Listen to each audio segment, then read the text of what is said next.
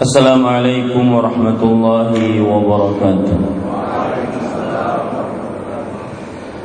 بسم الله الرحمن الرحيم. إن الحمد لله نحمده ونستعينه ونستغفره ونعوذ بالله من شرور أنفسنا وسيئات أعمالنا. من يهده الله فلا مضل له ومن يضلل فلا هادي له وأشهد أن لا إله إلا الله وحده لا شريك له وأشهد أن محمدا عبده ورسوله. يا أيها الذين آمنوا اتقوا الله حق تقاته ولا تموتن إلا وأنتم مسلمون. يا أيها الناس اتقوا ربكم الذي خلقكم من نفس واحدة وخلق منها زوجها وبث منهما رجالا كثيرا ونساء واتقوا الله الذي تساءلون به والأرحام إن الله كان عليكم رقيبا يا أيها الذين آمنوا اتقوا الله وقولوا قولا سديدا يصلح لكم أعمالكم ويغفر لكم ذنوبكم ومن يطع الله ورسوله فقد فاز فوزا عظيما أما بعد فإن أصدق الحديث كتاب الله وأحسن الهدي هدي محمد صلى الله عليه وعلى آله وسلم وشر الأمور محدثاتها وكل محدثة بدعة وكل بدعة ضلالة وكل ضلالة في النار Alhamdulillah kita bersyukur pada Allah Subhanahu wa taala pada hari ini hari Sabtu setelah salat subuh 23 Rabiul Tsani 1438 Hijriah kita kembali ditakdirkan oleh Allah Subhanahu wa taala untuk duduk di Masjid Agung 45 Kota Makassar untuk mengkaji ayat-ayat suci Al-Qur'an dan hadis-hadis Rasul sallallahu alaihi wa ala alihi wasallam. Salawat dan salam semoga selalu Allah berikan kepada Nabi kita Muhammad sallallahu alaihi wa ala alihi wasallam. Mohon jika disebutkan Nabi Muhammad sallallahu alaihi wasallam hendaknya kita bersalawat atas Nabi Muhammad sallallahu alaihi wasallam. Kepada keluarga beliau, para sahabat serta orang-orang yang mengikuti beliau sampai hari kiamat kelak dengan nama-nama Allah yang husna dan sifat-sifatnya yang ulia kita berdoa Allahumma inna nas'aluka ilman nafi'an wa rizqan tayyiban wa amalan mutaqabbalan. Wahai Allah sesungguhnya kami mohon kepada Engkau ilmu yang bermanfaat rezeki yang baik dan amal yang diterima amin ya rabbal alamin. Para ikhwah doa yang saya baca tadi senantiasa dibaca oleh Rasulullah sallallahu alaihi wasallam di setiap paginya. Ini as'aluka ilman nafi'an wa rizqan tayyiban wa amalan mutaqabbalan Wahai Allah sesungguhnya kami mohon kepada engkau Ilmu yang bermanfaat Rezeki yang baik Dan amal yang diterima. Doa ini Setiap habis setelah sholat subuh Beliau baca Setiap pagi. Berarti harus kita fokuskan perhatian Ada apa pembacaan tersebut di setiap paginya. Maka ternyata ada beberapa penjelasan yang dijelaskan oleh para ulama. Pembacaan doa tersebut di setiap paginya sangatlah cocok disebabkan beberapa sebab. Sebab yang pertama, seorang manusia muslim setiap harinya senantiasa harus mempunyai target yang ingin dicapai. Target yang ingin dia raih setiap harinya. Dan tidak ada sesuatu yang dicari oleh seorang manusia setiap harinya di dunia ini lebih dari tiga hal.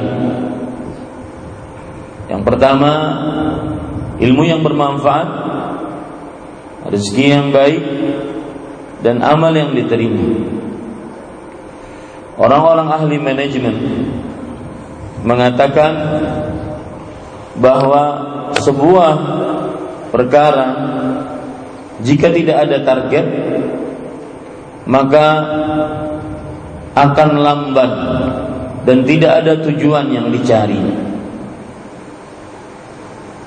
oleh seseorang.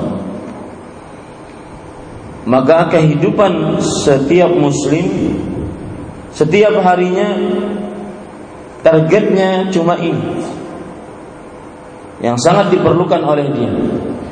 Ilmu yang bermanfaat, rezeki yang baik, dan amal yang diterima. Kalau lebih dalam lagi urutan yang disebutkan oleh Rasul sallallahu alaihi wasallam pun sangat pas dan cocok. Pertama beliau meminta ilmu yang bermanfaat, kemudian rezeki yang baik, baru setelah itu amal yang diterima. Ilmu yang bermanfaat akan mendorong seseorang untuk memilah-milih rezeki sehingga tidak memakan kecuali rezeki yang baik sebagaimana yang memang itu diperintahkan oleh Allah dan Rasulnya. Dengan ilmu yang bermanfaat pula kita akhirnya tahu amalan yang disyariatkan dan amalan yang tidak disyariatkan maka akhirnya amalan kita diterima disebabkan ilmu yang bermanfaat. Urutannya pun pas. Ini as'aluka ilman nafi'an. Aku meminta kepada engkau ilmu yang bermanfaat, rezeki yang baik dan amal yang diterima. Sisi yang kedua pentingnya doa ini adalah seseorang tidak akan bisa menggapai target tersebut tanpa minta tolong kepada Allah. Apa pun yang kita inginkan di dunia ini tidak akan tercapai tanpa pertolongan dari Allah Subhanahu wa taala. Maka pantas Rasul sallallahu alaihi wasallam beliau berdoa untuk menggapai target tersebut. Lihat Ayat yang minimal 17 kali kita baca sehari semalam. Iyyaka na'budu wa iyyaka nasta'in. Hanya kepadamu kami beribadah dan hanya kepadamu kami minta pertolongan. Al-Syekh Abdurrahman bin Nasir As-Sa'di rahimahullah taala beliau mengatakan Zakar al-isti'anah ba'da al-ibadah ma'a annaha minha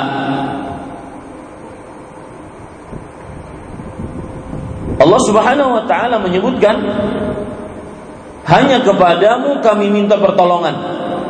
Setelah menyebutkan hanya kepadamu kami beribadah. Padahal minta tolong isti'anah adalah bagian dari ibadah. Isti'anah bagian dari ibadah. Kenapa disebutkan isti'anah secara tersendiri? Karena al-ibadah la tahsul illa bisti'anatin minallah. Ibadah tidak akan tercapai kecuali dengan minta pertolongan kepada Allah.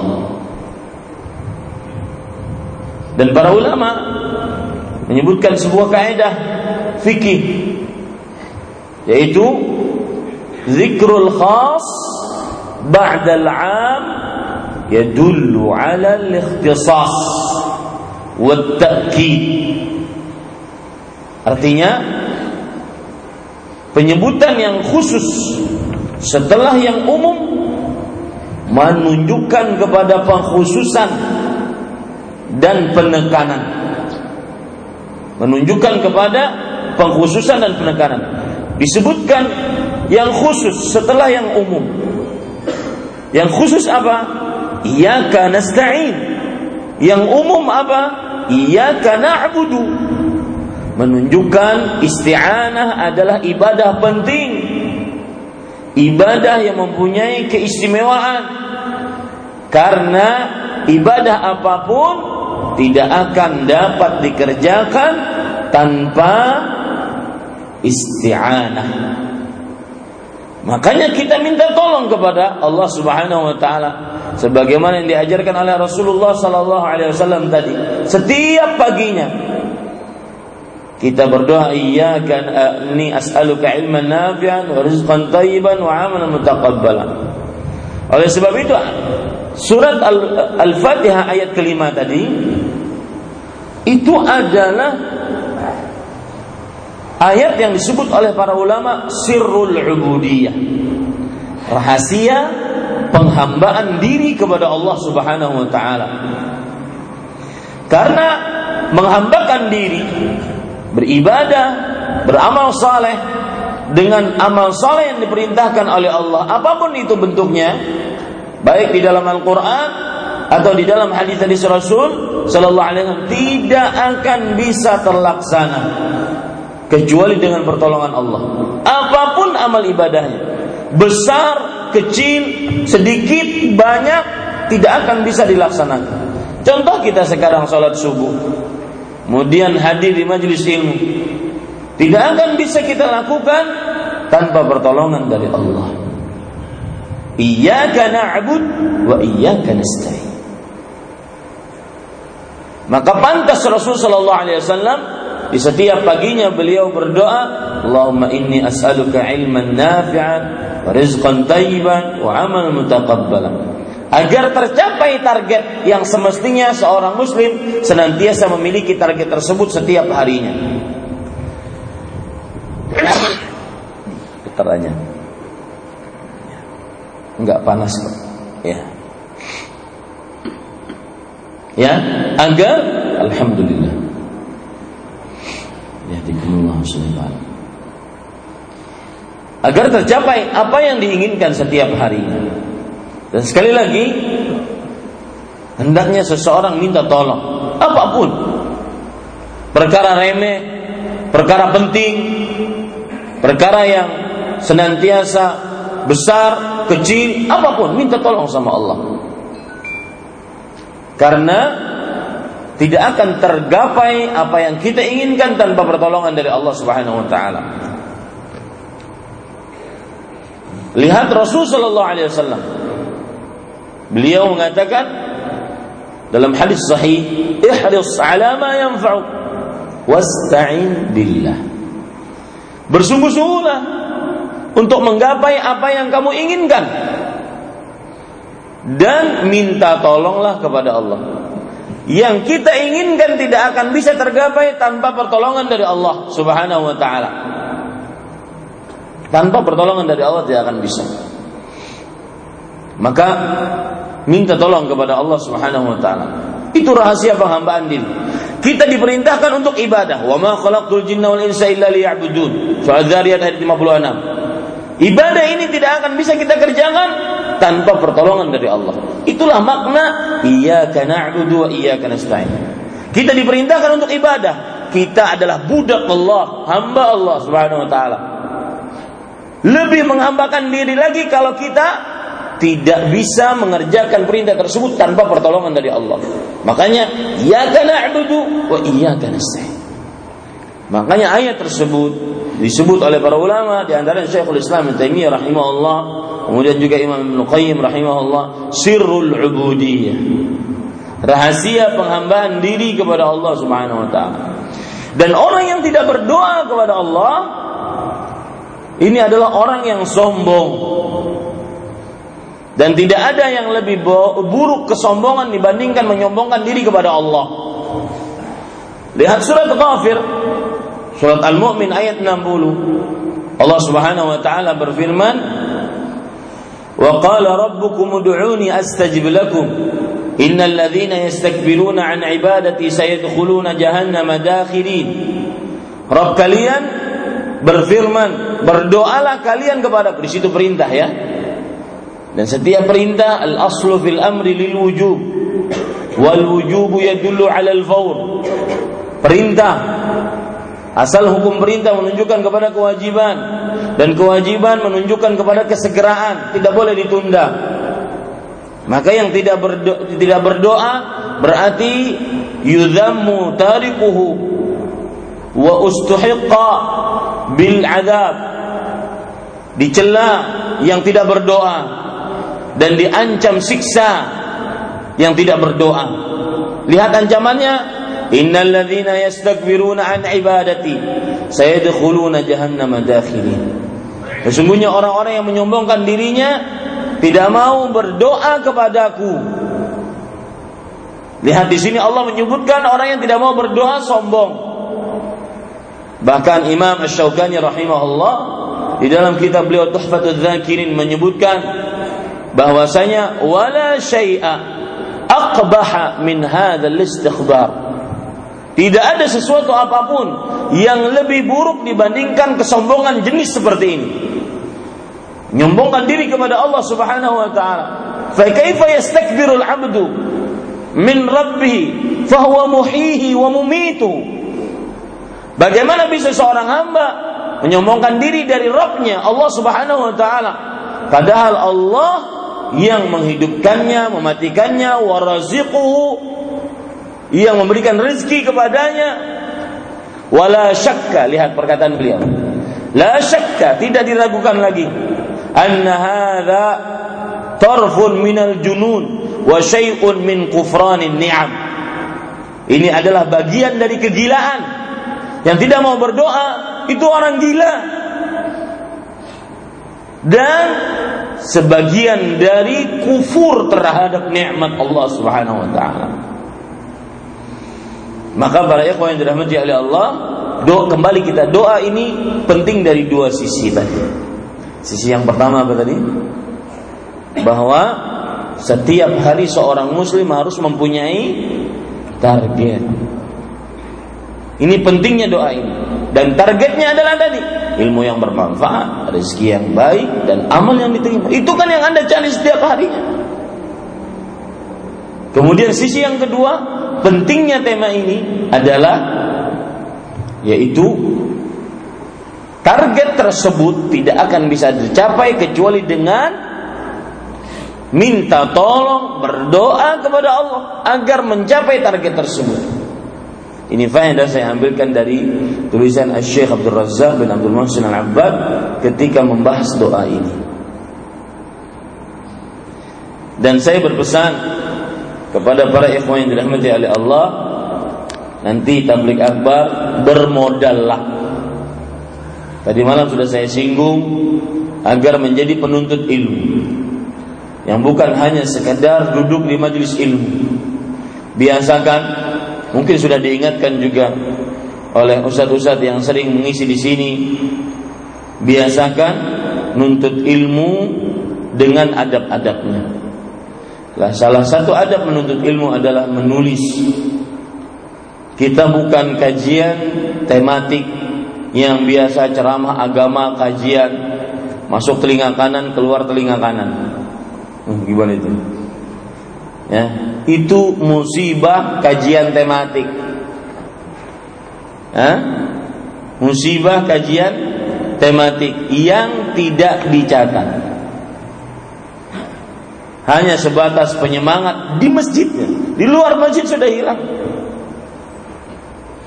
Maka harus bermodal untuk ilmu. Catat agar bisa dihafal. Dihafal bisa diamalkan dan didakwahkan. Ini para ikhwan yang dirahmati oleh Allah Subhanahu wa taala. Adapun tema yang kita angkat pada kesempatan kali ini 20 menit tadi untuk muqaddimah.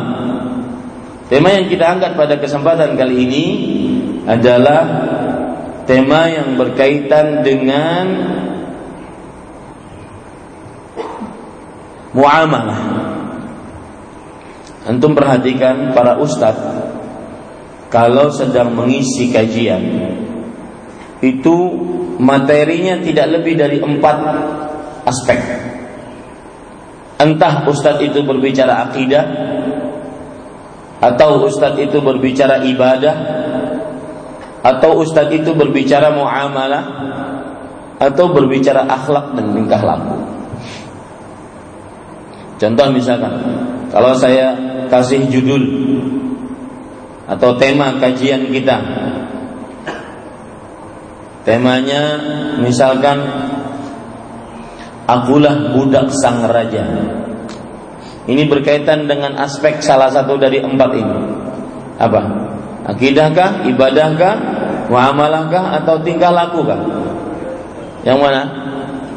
Akidah. Nanti akan dijelaskan tentang akidah di dalamnya. Kemudian kalau seandainya orang berbicara tentang misalkan cinta Nabi, Berkaitan dengan apa? Akidah kah, ibadah kah, muamalah kah, tingkah laku kah? Hah? Apa? Akidah. Karena berkaitan dengan syahadat asyhadu anna Muhammadan Rasulullah sallallahu alaihi wa alihi wasallam.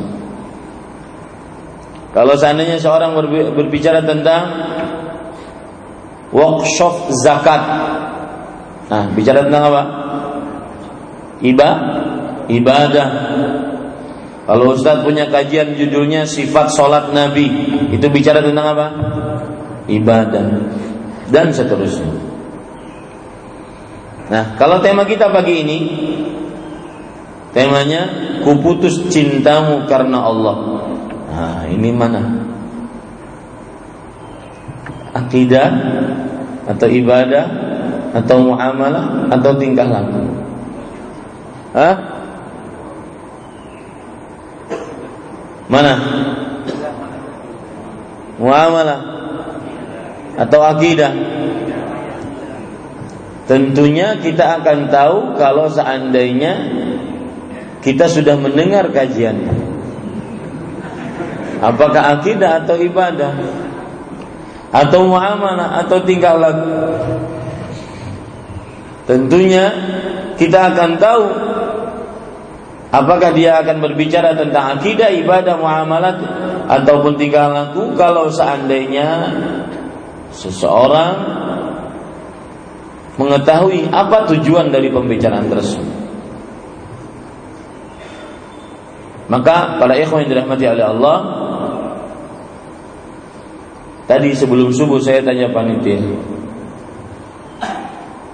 Kira-kira mereka tentunya panitia memilih tema ini karena sudah ada kajian saya di YouTube. Judulnya Kuputus Cintamu Karena Allah. Saya hanya ingin ngetes saja kepada panitia. Ini kuputus cintamu karena Allah tujuannya apa? Nah, kalau Anda sebagai panitia milih tema itu saya angkat ketua panitia sekarang di sini. Ketua panitia contoh, ya, bukan beneran. Misalkan, saudara, siapa namanya? Hah? Harun. Hah? Agung. Agung. Mas Agung sebagai ketua panitia contohnya memilih judul tema kajian untuk Ahmad Zainuddin datang ke Makassar kuputus cintamu karena Allah. Tujuan kajiannya apa? Yang ingin dicapai apa?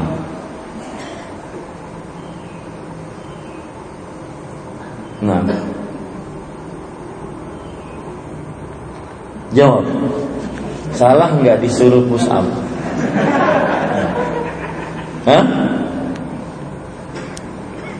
Ada yang berani menjawab? Nah, siapa? Mencoba saja. Kalau anda mendengar tema kuputus cintamu karena Allah, kira-kira ini isinya apa? Nah, akidah. Isinya akidah. Enggak, isinya tentang apa kira-kira? Meninggalkan segala sesuatu karena Allah Subhanahu wa taala. Maka mungkin benar, tapi mungkin kurang. Karena di situ ada kata-kata cinta. Cinta erat dengan hubungan sesama manusia. Saya mencintaimu, kamu mencintaiku. Begini. Saya ingin menegaskan di majelis-majelis untuk saat sekarang biasakan dan ajak para ustadz kita lebih membahas tentang akidah. Penyimpangan-penyimpangan yang terjadi di tengah masyarakat di zaman sekarang, masalah-masalah yang terjadi di tengah masyarakat di zaman sekarang, huru hara, kegentingan, terutama di negeri ini, masalah pemimpin kafir, masalah penista agama, masalah dekadensi moral, masalah kemiskinan, masalah BBM naik, masalah masalah masalah yang begitu banyak itu diobati dengan tauhid dengan akidah.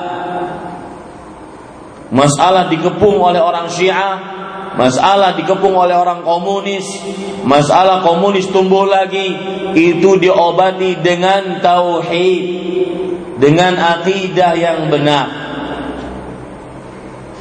Maka saya berpesan kepada para panitia, ajak para ustadz untuk saat-saat sekarang dan seterusnya lebih mendakwakan tauhid, mengenalkan tauhid kepada umat sudah cukup kajian-kajian tentang cinta cukup. Aku cinta kamu, kamu cinta dia. Cukup. Ya. Judul-judul tema-tema seperti itu jauhi. Tema-tema akidah. Seorang muslim harus i'tizaz dengan Islamnya, merasa mulia dengan Islamnya. Kapan bisa seperti itu? Kalau dibicarai tentang akidah. Tema-tema fadailul islam fadailul a'mal cukup. Ya? Bukan berarti tidak perlu akan tetapi lebih fokuskan akidah. Seseorang akan semangat beramal dengan akidah yang benar. Tema-tema yang berkaitan dengan dengan keluarga perlu akan tetapi lebih ditekankan akidah. Sakinah mawaddah dan rahmah tidak akan pernah dicapai kecuali dengan ketakwaan Lihat Allah berfirman, "Fasalihat qanitat." Wanita-wanita yang saleh. Istri kita akan menjadi istri yang saleh, idaman kita, nyaman dipandang mata, indah menyejukkan dipandang mata ketika dia qanitat, ahli ibadah dan ibadah tidak dikerjakan kecuali bersumber dari akidah yang benar Ketentraman negara, daerah tidak akan bisa didapatkan kecuali dengan akidah, dengan pembelajaran tauhid. Maka saya berpesan kepada para ikhwan agar senantiasa mendahulukan akidah. Dan tema-temanya pun tema-tema yang berwibawa. Akidah Islam berwibawa menjadi seorang muslim yang taat, berwibawa. Jangan tema-tema yang kadang-kadang cuma membuat orang penasaran. Enggak. Temanya harus berwibawa sebagaimana yang akan disampaikan berwibawa. Ya, ini para ikhwan yang dirahmati oleh Allah Subhanahu wa taala. Lihat para ulama, buku-buku mereka, ceramah-ceramah mereka, Al-Syekh Imam Muhammad Ibn Salih Uthaymin, Al-Syekh Imam Ibn Baz, Al-Syekh Muhammad Nasiruddin Al-Albani rahimahullah. Temanya berpegang teguh kepada sunnah. Temanya inilah akidah Islam. Temanya inilah akidahku. Seperti itu. Tema-tema yang menggugah keislaman. Tema-tema yang berwibawa. Bukan tema-tema yang bukan diambilkan dari ayat-ayat Al-Qur'an ataupun hadis Rasul sallallahu alaihi wasallam. Ini para ikhwan yang dirahmati oleh Allah Subhanahu wa taala. Adapun tema kita, kuputus cintamu karena Allah, ini sebenarnya saya kaji dengan sebab. Sebabnya adalah permasalahan seorang lelaki baik dia sudah menikah atau masih bujangan yang terjerembab ke dalam godaan syahwat wanita. Bahkan kadang-kadang lelaki tersebut sudah duduk di majelis ilmu. Penampilan sudah bergaya sunnah, pakai peci, baju koko, celana di atas dua mata kaki, jenggot dipakai. Hmm, gimana tuh jenggot dipakai? Ya. Iya. Nanti ketika sudah tidak ada kawan-kawan lagi, tidak di majelis ilmu lagi, peci lepas, baju koko lepas, jenggot lepas. Ya, nggak ada yang lihat. Maka ada laki-laki yang seperti ini yang terjerembab ke dalam maksiat hubungan dengan wanita yang diharamkan. Dan ini kajian bukan hanya sekedar kepada anak-anak muda yang berumur muda, akan tetapi juga para orang tua yang berdarah muda.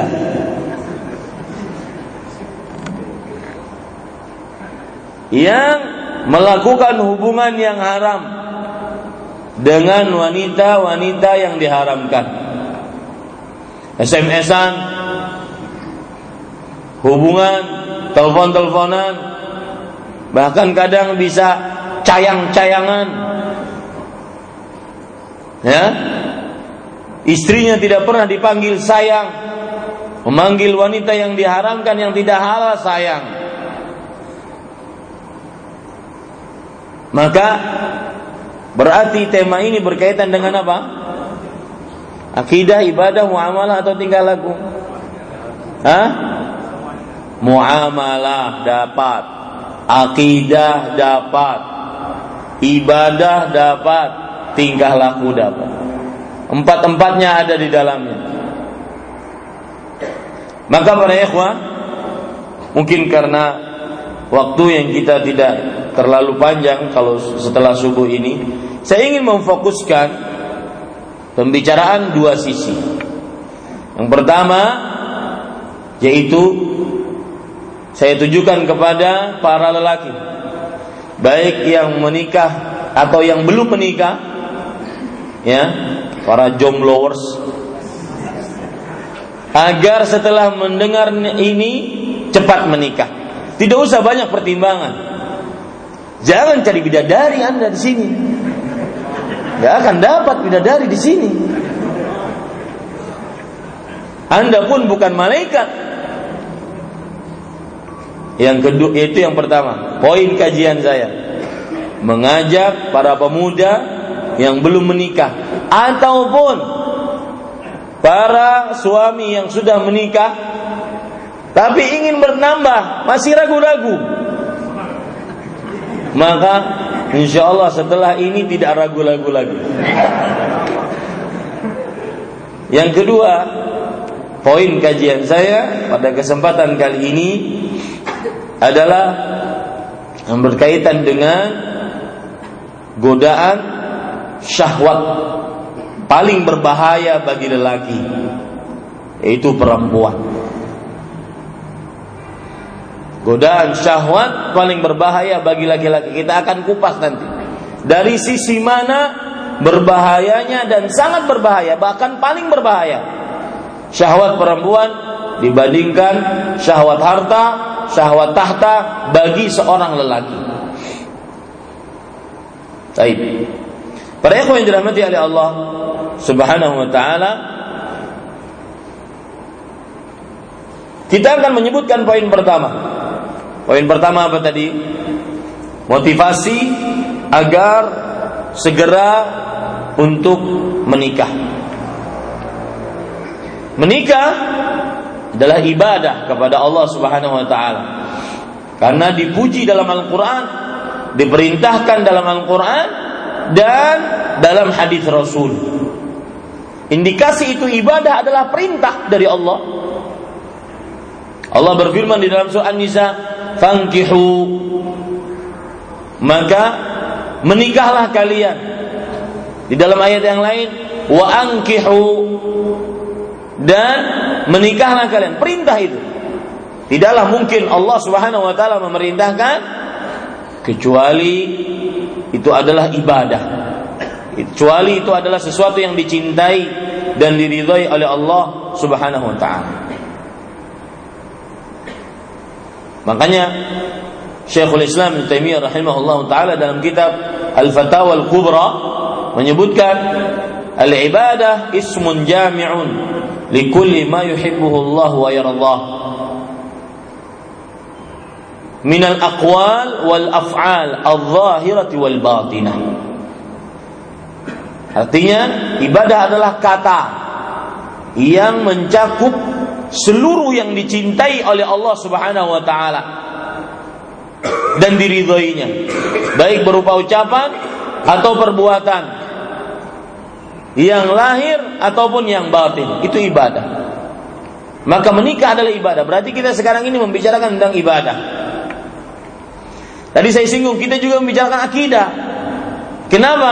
Karena ketika ada hubungan yang diharamkan cinta yang diharamkan baik cinta yang pertama, cinta yang kedua diharamkan, maka sebenarnya dia sedang kurang muraqabahnya terhadap Allah Subhanahu wa taala. Sedang kurang derajat ihsannya. Anta'bud Allah ka'annaka tarah, fa in lam takun tarahu fa innahu yaraka. Hendaknya kamu beribadah kepada Allah seakan-akan kamu melihat Allah.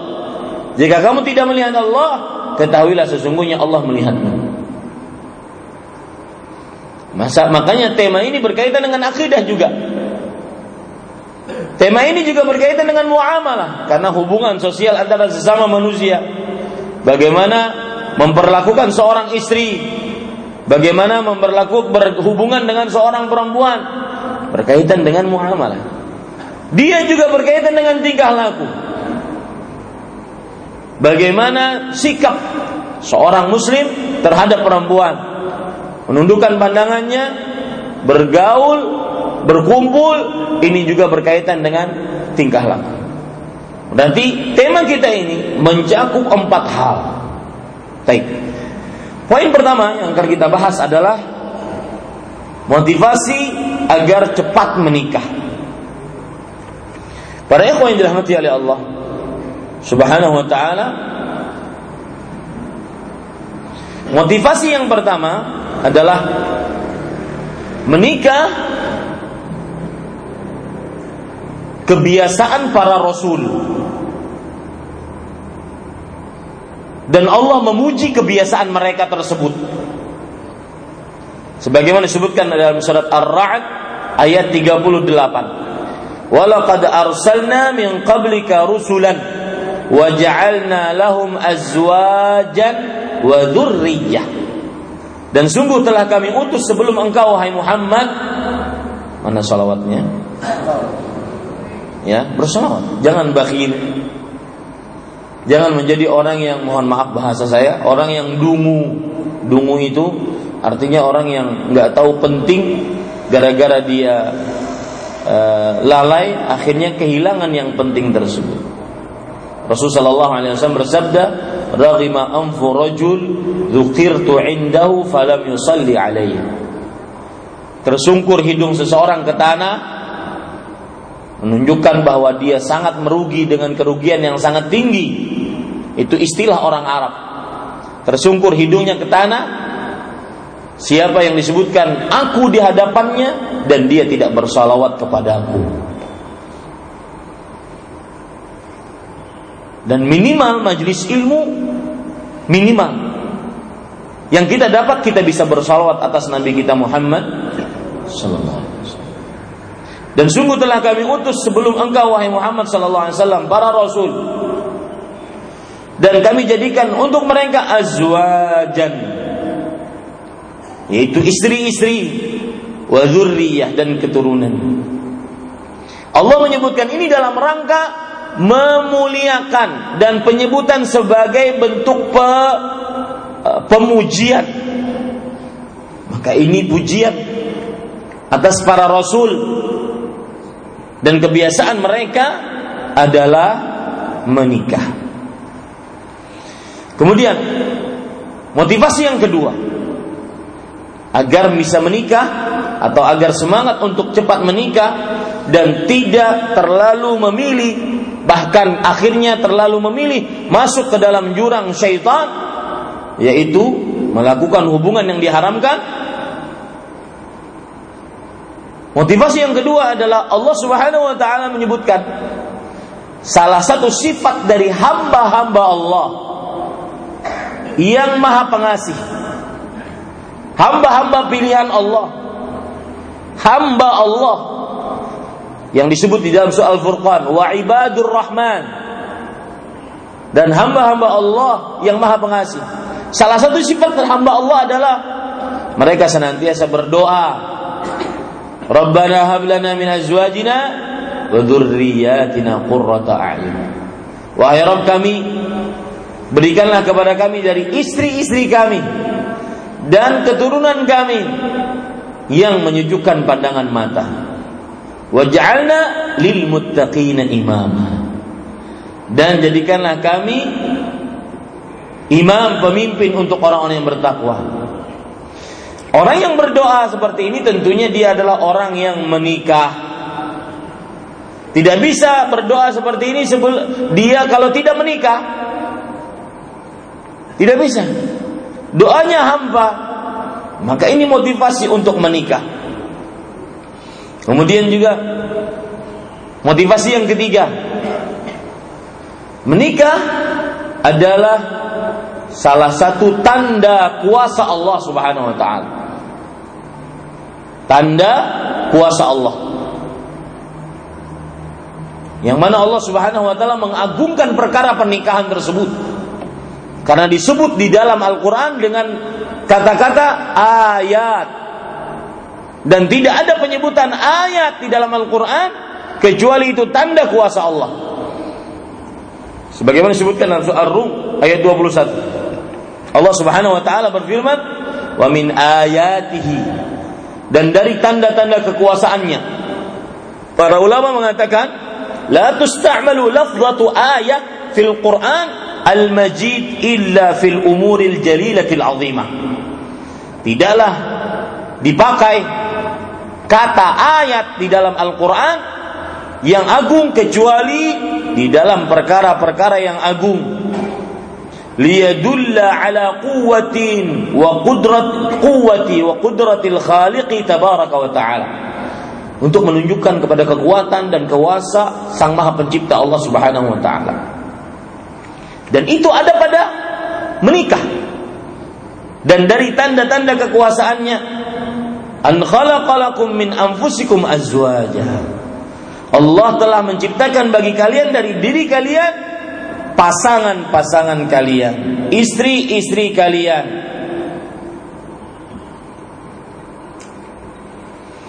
Dan subhanallah, para ikhwan yang dirahmati oleh Allah Subhanahu wa taala, ini adalah ke utamaan menikah karena dianggap sebagai kuasa Allah, tanda kekuasaan Allah. Kemudian dari ayat ini pula kita bisa ambil motivasi yang keempat.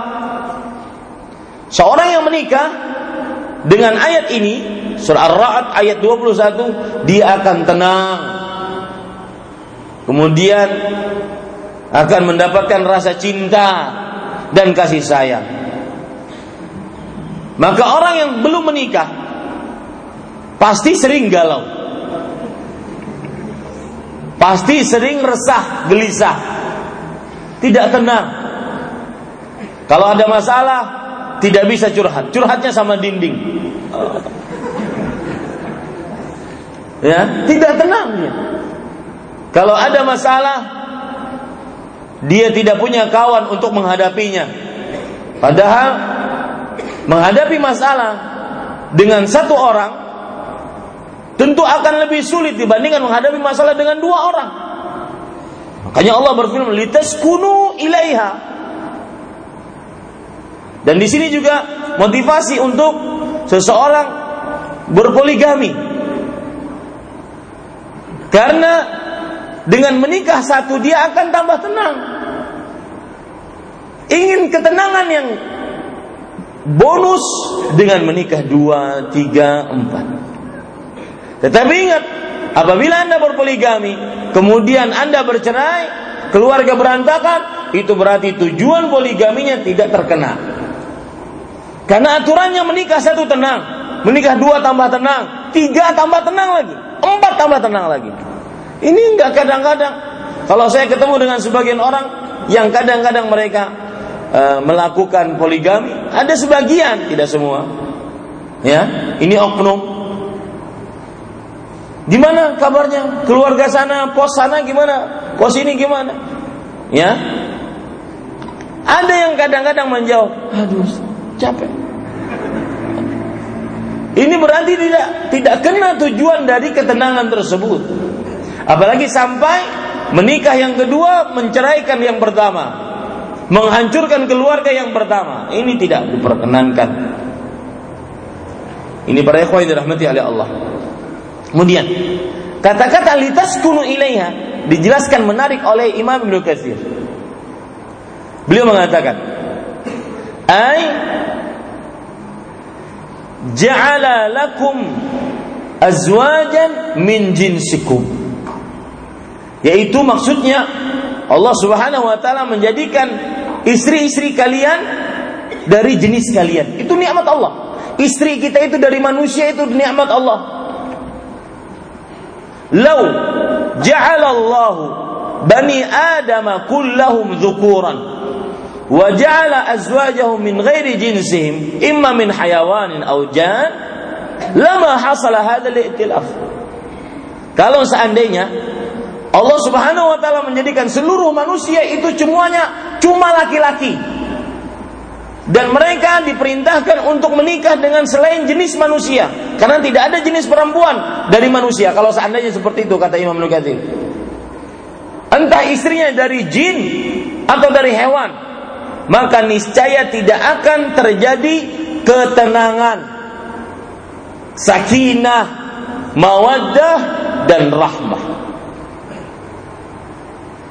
Makanya saya khawatir kalau ada suami istri dari sama-sama jenis manusia sering bertengkar sedikit-sedikit sang suami mengatakan ya cerai sedikit-sedikit cerai awas deh mangap cerai.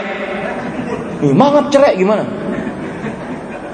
Ya sedikit-sedikit bertengkar sedikit-sedikit marah-marahan. Ini dikhawatirkan saya khawatirkan. Jangan-jangan pasangannya bukan dari jenis manusia. Betul, itu dijelaskan oleh Imam Nukathir rahimahullah. Kalau seandainya laki-laki seluruhnya dari jenis manusia, istrinya dari jenis lain, entah hewan ataupun jin, maka ya tidak akan mungkin terjadi terciptanya persatuan yang seperti ini, kecintaan kasih sayang, maka pemahaman baliknya adalah apabila sering terjadi pertengkaran, ya misalkan suami sering marah. Istrinya bilang kepada suaminya, "Mas, kamu ini manusia, Mas. Jangan-jangan kamu jin, Mas." Ya. Kemudian suaminya sering uh, istrinya sering marah kepada suaminya. Tanya kepada istrinya, "Wahai istriku, kamu manusia?" Semestinya kalau kita manusia tidak sering bertengkar. Karena sesama jenis manusia. Baik, para ikhwan yang dirahmati oleh Allah Subhanahu wa taala. Bahkan yang kelima, motivasi yang kelima menikah adalah Allah Subhanahu wa taala menggandengkan menikah dengan penciptaan alam semesta. Maksudnya menikah itu mulia. Sampai Allah gandengkan perkara menikah dengan perkara menciptakan alam semesta.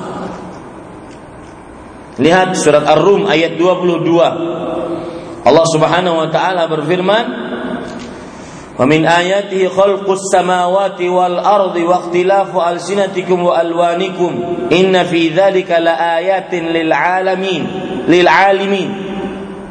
Artinya dan di antara tanda-tanda kekuasaannya penciptaan langit dan bumi dan perbedaan lisan-lisan kalian dan warna tubuh kalian, warna kulit kalian. Sesungguhnya demikian itu terdapat tanda-tanda kekuasaan bagi orang-orang yang berilmu. Ini Ar-Rum ayat 22. Ar-Rum ayat 21 membicarakan tentang nikah. Allah gandengkan ayat tentang nikah dengan penciptaan alam semesta. Ini menunjukkan keistimewaan apa? keistimewaan menikah. Kemudian para ikhwah yang dirahmati oleh Allah Subhanahu wa taala. Termasuk daripada motivasi untuk menikah adalah bahwasanya nanti di akhirat salah satu pertanyaan yang akan ditanyakan yaitu ya, nanti di akhirat salah satu pertanyaan yang akan ditanyakan yaitu tentang menikah dan itu dianggap sebagai nikmat oleh Allah. Maka motivasi yang keenam, menikah adalah nikmat dari Allah. Karena dia akan ditanyakan nanti di hari kiamat. Lihat hadis yang diriwayatkan oleh Imam Muslim dari Abu Hurairah radhiyallahu anhu. Rasul sallallahu alaihi wasallam bersabda, "Fayalqal 'abdu rabbahu fayaqulullah." Lalu seorang hamba akan bertemu dengan Allah Subhanahu wa taala.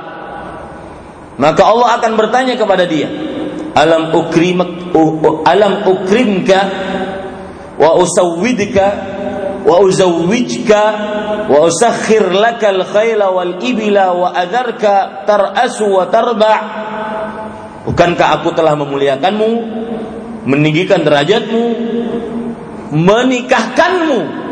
Lihat, ada kata-kata menikah disebut sebagai bentuk nikmat oleh Allah Subhanahu wa taala.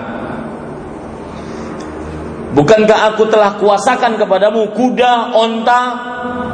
Bukankah aku telah biarkan kamu memimpin, kemudian juga menguasai? Lalu hamba tersebut mengatakan, "Bala, iya Rabb." Tentu wahai Rabb, benar itu adanya. Ini menunjukkan bahwasanya menikah mempunyai kedudukan yang tinggi dalam Islam dan itu memotivasi seseorang untuk menikah. Karena menikah nikmat Allah Subhanahu wa taala. Dalil bahwasanya nikah nikmat Allah akan ditanya oleh Allah nanti di hari kiamat. Bukankah aku sudah menikahkan engkau? Itu nikmat Allah Subhanahu wa taala.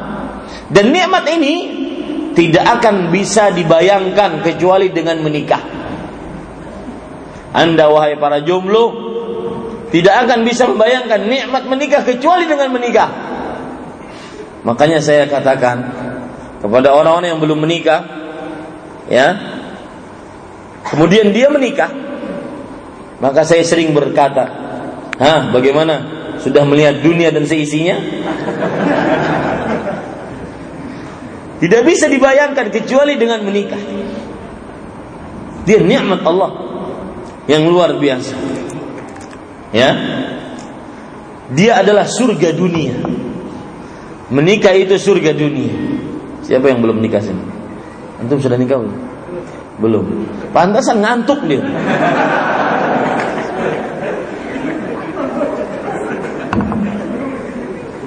Saya sering memperhatikan sifat-sifat manusia.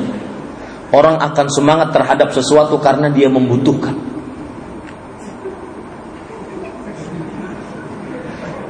Ya. Orang akan semangat terhadap sesuatu karena dia membutuhkan. Begitulah orang-orang yang ria kadang-kadang. Dia akan terlihat baik di hadapan orang karena dia ingin perlu kepada orang itu. Itu buruknya ria. Kembali ke permasalahan tadi. Para ikhwan yang dirahmati oleh Allah Subhanahu wa taala. Dan yang ketujuh, motivasi untuk menikah adalah dengan menikah menyempurnakan setengah agama. Dan hendaknya kita menyempurnakan setengah yang lain dengan amal-amal soleh yang lain.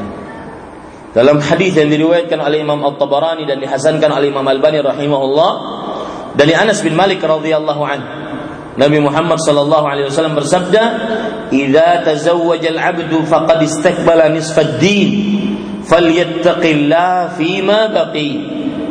Jika seorang hamba menikah, maka sungguh telah sempurna atau tunggu dia telah menyempurnakan setengah agama.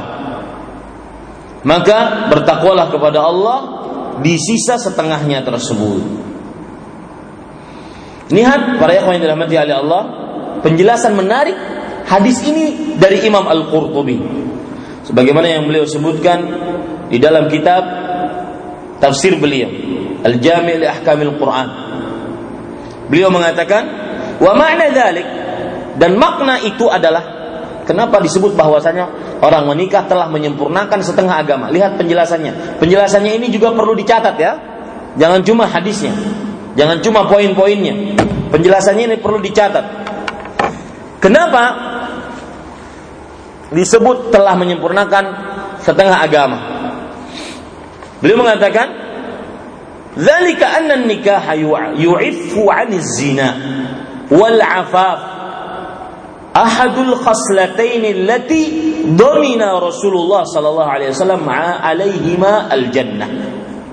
Artinya, karena dengan menikah akan tersucikan dari perbuatan zina.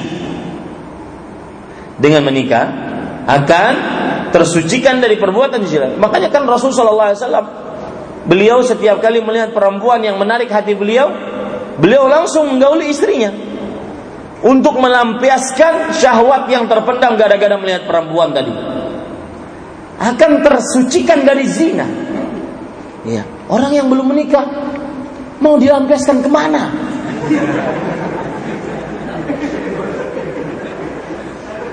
Ya. Ini para ikhwan yang dirahmati oleh Allah Subhanahu wa taala. Wal afaf. Lihat, kemudian kesucian kemaluan ahadul khaslatain satu dari dua sifat allataini dhamina Rasulullah sallallahu alaihi wasallam alaihi. Satu dari dua sifat yang Rasulullah sallallahu alaihi wasallam telah menjamin surga. Siapa yang menjaga kesucian ini? Apa yang dijamin oleh Rasulullah? Lihat hadisnya. Man waqahu Allah syarrat natain walajal jannah ma baina lahyaihi wa ma baina rijlaihi Barang siapa yang dijaga oleh Allah dua keburukan maka niscaya dia masuk surga. Dijamin oleh Rasulullah SAW. Siapa yang bisa terjaga dari dua keburukan ini? Keburukan lisan di antara dua uh, jenggotnya, jenggot ini kumis disebut juga jenggot, jenggot berarti mulutnya. Siapa yang bisa menjamin mulutnya, maka dia akan dijamin masuk surga. Yang kedua, wama baina rijlaihi dan siapa yang bisa menjamin kemaluannya di antara kedua kakinya, maksudnya kemaluan, maka dia masuk surga. Masya Allah, membicarakan nikah hujan. Ya, yang belum menikah hujan-hujan begini bingung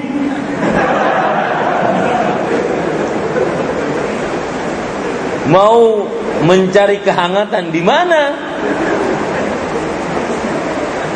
Ini para ikhwan yang dirahmati oleh Allah Subhanahu wa taala. Kemudian Allahumma sayyiban nafi'an. Yang kedelapan, motivasi untuk menikah. Menikah senantiasa diperintahkan oleh Rasulullah SAW kepada para sahabatnya. Menikah senantiasa diperintahkan oleh Rasulullah SAW kepada para sahabatnya. Kata-kata senantiasa itu berarti sering. Beliau ulang-ulang para sahabatnya agar sering menikah.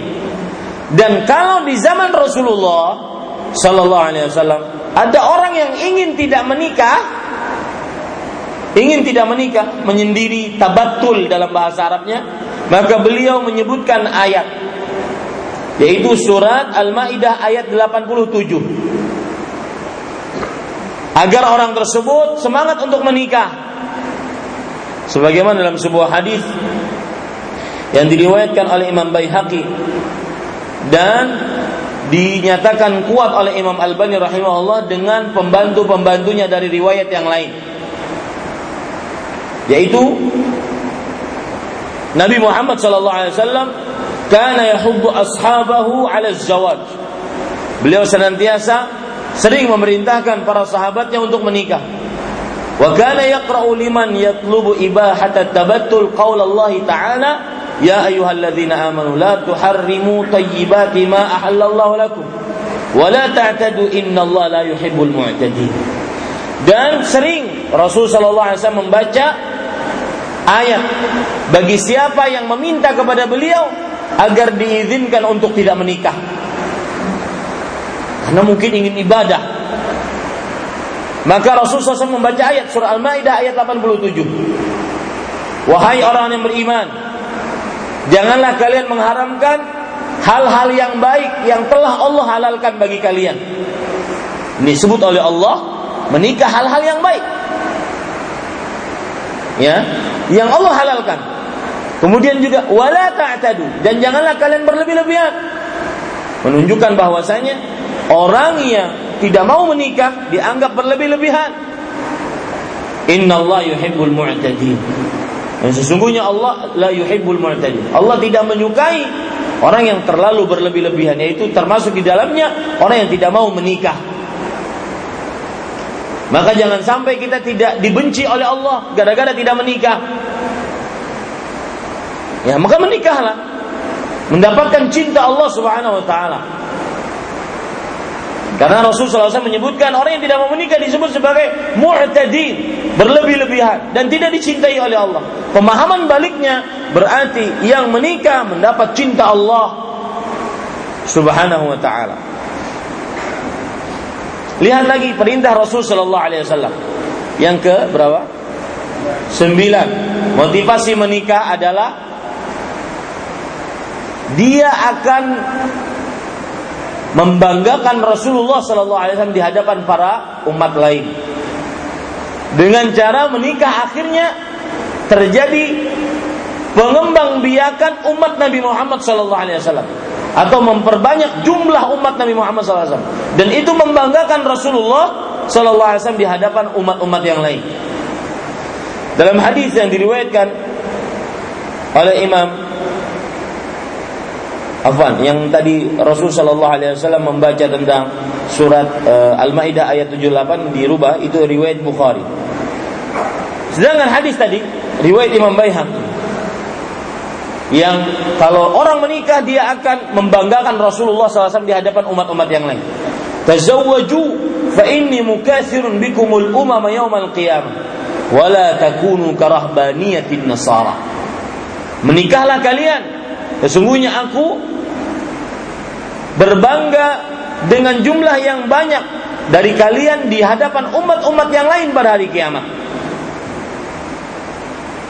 Kemudian juga motivasi selanjutnya dari hadis ini, orang yang tidak mau menikah maka dia sebenarnya mencontoh rahib-rahib Nasrani. Waduh, Ustaz, bahaya ini. Saya bukannya tidak mau menikah Ustaz. Akan tetapi belum dapat jodohnya. Ada orang yang curhat kepada saya, Ustaz, tolong nasihatnya. Kenapa ya akhi? Saya baru ditolak dalam melamar. Maka saya katakan wahai saudaraku, tidak ada sesuatu yang bisa saya ungkapkan kecuali satu, bersabar. Ujian dari Allah. Yang kedua, usaha, cari lagi. Wanita yang lain banyak. Yang ketiga, berdoa kepada Allah. Orang ini menjawab, cuma segitu Ustaz. Jawabannya, iya apa lagi? Ustaz sih tidak merasakan bagaimana sakitnya ditolak Ustaz.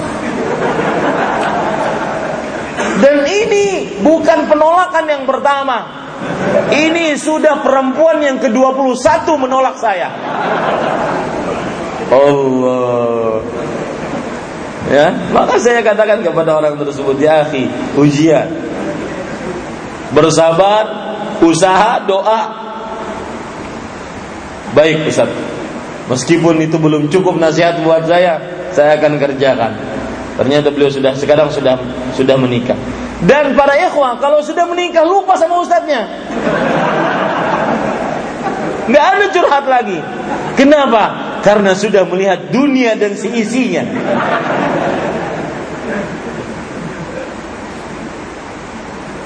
Ya, apalagi imam kita ini sudah bujangan sekarang. Ditunggu apa lagi? Jangan terlalu banyak memilih, Pak. Dan kawan-kawan di sini harus carikan. Antum berdosa kalau tidak mencarikan beliau. Ini para ikhwan yang dirahmati oleh Allah Subhanahu wa taala. Lihat, ada penjelaan terhadap orang yang tidak menikah atau tidak mau menikah. Karena seperti rahib-rahib Nasrani. Sebagaimana hadis tadi. Dan juga hadis yang lain dari Aisyah radhiyallahu anha yang diriwayatkan oleh Imam Ibnu Hibban dan disahihkan oleh Imam Al-Albani rahimahullah dalam kitab Irwaul Ghadib atau silsilah al ahadith as sahihah. Aisyah radhiyallahu anha bercerita, "Anna Nabi sallallahu alaihi wasallam qala li Utsman bin Mas'ud radhiyallahu anhu lamma arada an yatabattal." Bahwa Rasulullah sallallahu alaihi wasallam berkata kepada Utsman bin Affa, eh, kepada Utsman bin Mas'ud ketika Utsman bin Mas'ud ingin tidak mau menikah.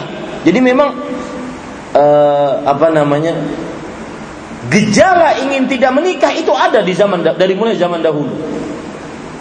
Karena menganggap menikah kadang-kadang dianggap sebagai pemicu untuk tidak semangat ibadah. Bukan gara-gara nikah, akhirnya nggak nggak hadir lagi di majelis ilmu. Karena sudah punya anak, setiap kali ditelepon oleh ustadznya, dulu dia yang ngantar ustadz ke mana-mana. Karena sudah punya anak, sekarang jawaban paling sering didengar oleh ustadznya, Afwan ustadz. Afwan ustadz. Kenapa sibuk dengan anak, sibuk dengan istri? Bukan gara-gara nikah. Enggak. Di situ sebenarnya ujiannya. Ya ini pada ikhwan yang dirahmati oleh Allah. Nabi Muhammad SAW bersabda kepada Utsman bin Maz'un. Utsman bin Maz'un ini secara sejarah, beliau adalah sahabat yang pertama kali dikubur di Baqi al-Gharqad. Kuburan pekuburan kota Madinah. Sahabat pertama kali. Utsman bin Mad'un. Ya Utsman, inna rahbaniyata lam tuktab alaina. Wahai Utsman, menjadi rahib tidak menikah itu belum disyariatkan untuk kita. Afamalak afamalaka fiya uswah dalam artian apakah engkau tidak memiliki di dalam diriku suri tauladan. Aku menikah. Makanya Rasul SAW mengatakan, "Faman raghiba an sunnati falaysa min." Siapa yang membenci sunnahku bukan dariku. Termasuk pembencian terhadap sunnah adalah orang yang tidak mau menikah. Ini, "Fawallahi inni akhsyakum lillah wa ahfazukum li hududih." Demi Allah, sesungguhnya aku adalah orang yang paling takut kepada Allah. Tapi aku menikah. Dan orang yang paling menjaga hak dan batasan-batasan hukum-hukum Allah. Tapi aku pun menikah. Karena ada sebagian orang mengatakan menikah kadang-kadang membuat kita maksiat, Ustaz. Menikah kadang-kadang melalaikan kita dari ibadah, Ustaz. Menikah, menikah sebab-sebab macam-macam. Pak kita Rasulullah SAW menjawab. Beliau orang yang menikah, Bahkan menikah lebih dari satu. Tetapi beliau yang paling bertakwa, paling bagus ibadahnya, yang paling taat paling menjaga hukum-hukum Allah Subhanahu wa taala.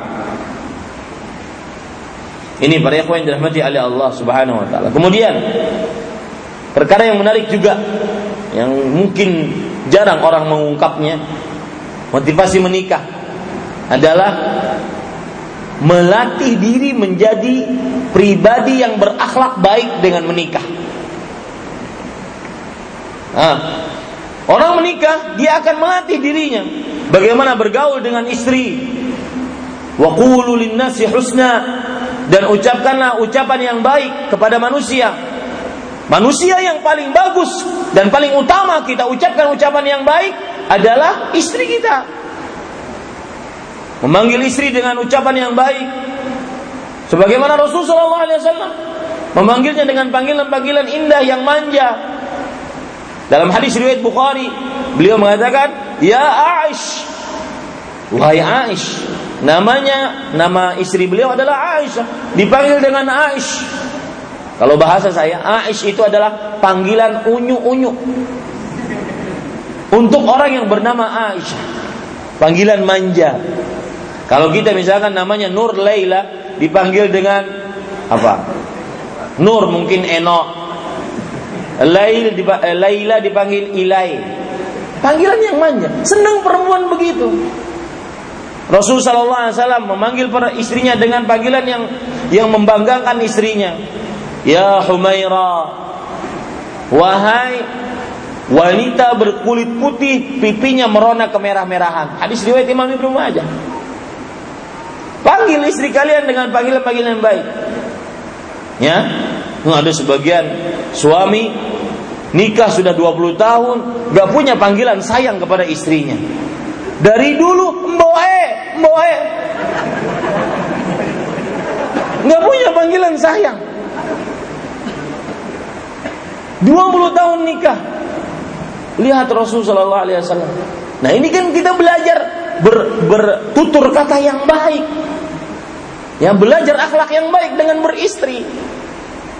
Ya makanya kadang-kadang orang-orang pada jomblo kadang-kadang kurang baik kalau bertutur kata. Ya kasar, karena dia jomblo, nggak bisa bertutur kata dengan yang baik, tidak belum mempunyai istri. Ini para ikhwan yang dirahmati oleh Allah Subhanahu wa taala. Kalau saya ditanya, Ustaz, Ustaz punya panggilan apa? Kepada istrinya, saya manggil istri saya, sayangku, cintaku, manisku, rinduku, empat sekaligus makan ke sana. Puas dia. Setiap kali manggil istri saya seperti itu. Ini para ikhwan yang dirahmati oleh Allah Subhanahu wa taala. Maka dengan menikah belajar akhlak yang baik dan saya berpesan yang sudah menikah semestinya Anda lebih berakhlak yang baik kepada kawan hidup Anda dibandingkan hanya kawan kolega-kolega sebentar ketemu di kantor, ketemu di pasar, ketemu di majelis ilmu harus lebih kita berakhlak yang baik, bertutur kata yang sopan, berbuat yang baik, yang santun kepada istri kita dibandingkan yang lainnya karena dia menemani hidup kita selama hidup.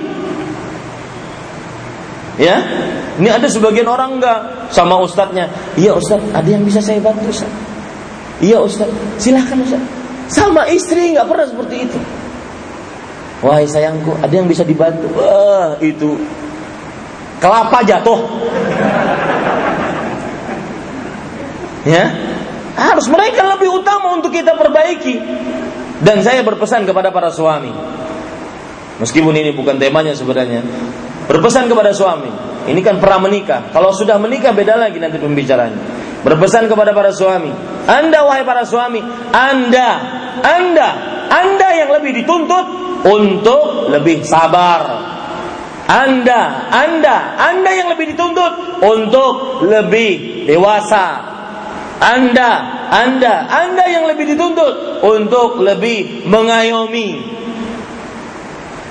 Ya, tidak model suami sering ngambek.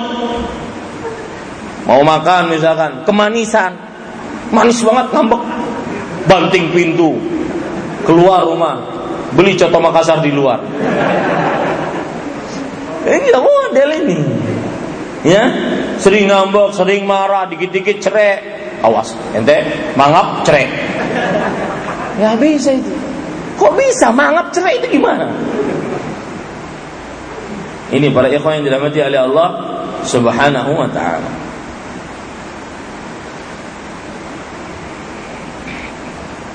Ya, perkataan menarik disebutkan oleh Kamaluddin Ibnul Hammam. Beliau ini adalah ahli fikih dari mazhab Hanafi. Beliau mengatakan, "Wa man ta'ammala ma yashtamilu alaihi nikah min tahdhibin lil akhlaq وتوسعة للباطل بالتحمل في معاشرة أبناء النوم وتربية الولد والقيام بمصالح المسلم العاجز عن القيام بها والنفقة عن الأقارب والمستضعفين وإعفاف الحرم ونفسه ودفع ودفع الفتن عنه وعنهن ودفع التقتير عنهن بحسبهن لكفايتهن مؤنة, مؤنة سبب الخروج يعني سبب الخروج لطلب الرزق ثم الاشتغال بتأديب نفسه وتأهيله وتأهله للعبودية ولتكون أيضا سببا لتأهيل غيره وأمرها بالصلاة. فإن هذه الفرائض كثيرة لم يقد يقف عن الجزم بأنه أي الزواج أفضل من التخلي Saya ulangi Saya artikan Barang siapa Waman ta'ammala Yang memperhatikan Ma yashtamilu Apa yang dirangkum Diliputi Alaihin nikah Oleh nikah Min tahdhibin lil akhlak Berupa Bagusnya akhlak. Uh, perbaikan akhlak. Dengan menikah memperbaiki akhlak. Wa tausi'atin lil batin. Dan melapangkan dada. Membuat hati ten, hati lapang. Orang menikah itu karena banyak ujian jadi dia ditempa ujian tersebut. Jadi dia bisa bersabar. Makanya sering orang yang belum menikah itu tidak sabaran ya? Tidak sabar. Orang yang menikah ya sudah banyak makan garam. Dia sering sabar. Kemudian bitahammuli fi muasyarati abna'in naum. Artinya dengan dia menanggung berlaku kepada anak-anaknya. Wa tarbiyatil walad dan mendidik anak. Wal qiyami bi masalihil muslim al ajiz anil qiyami biha dan menanggung kemaslahatan-kemaslahatan seorang muslim yang sulit untuk ditanggung oleh orang lain. Wan nafaqati 'alal aqarib. Dengan menikah seseorang akan belajar bagaimana cara membiayai para kerabat. Wal mustadhafin dan orang-orang lemah.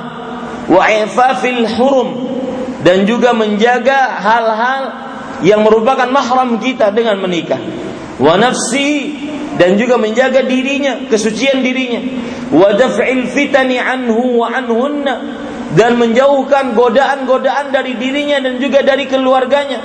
Wa daf'it taqtir anhunna bihasabihinna dan menjaga agar keluarganya tidak masuk ke dalam hal-hal yang berbahaya.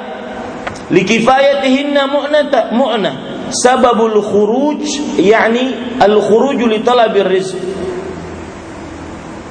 Dan juga dengan menikah seseorang akhirnya bekerja. Keluar untuk bekerja. Thumma istighal bi ta'dibi nafsi.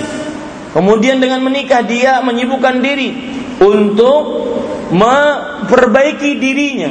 Wa ta'ahulihi lil ubudiyah dan untuk menyiapkan dirinya untuk beribadah kepada Allah. Maksudnya dengan menikah dia beribadah kepada Allah. Walitakuna aidan sababan li ta'hili ghairi Kemudian juga dengan menikah dia bisa mengajari istri-istrinya, anak-anaknya. Wa amruha bis salah memerintahkan istrinya untuk salat. Fa inna al kathiratun. Sesungguhnya ini kewajiban-kewajiban yang begitu banyak. Dengan menikah dia mengerjakan ibadah-ibadah yang begitu banyak.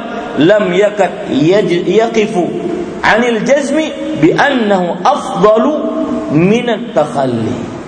Maka seseorang pasti akan memastikan bahwasanya menikah lebih utama dibandingkan sendirian beribadah kepada Allah Subhanahu wa taala.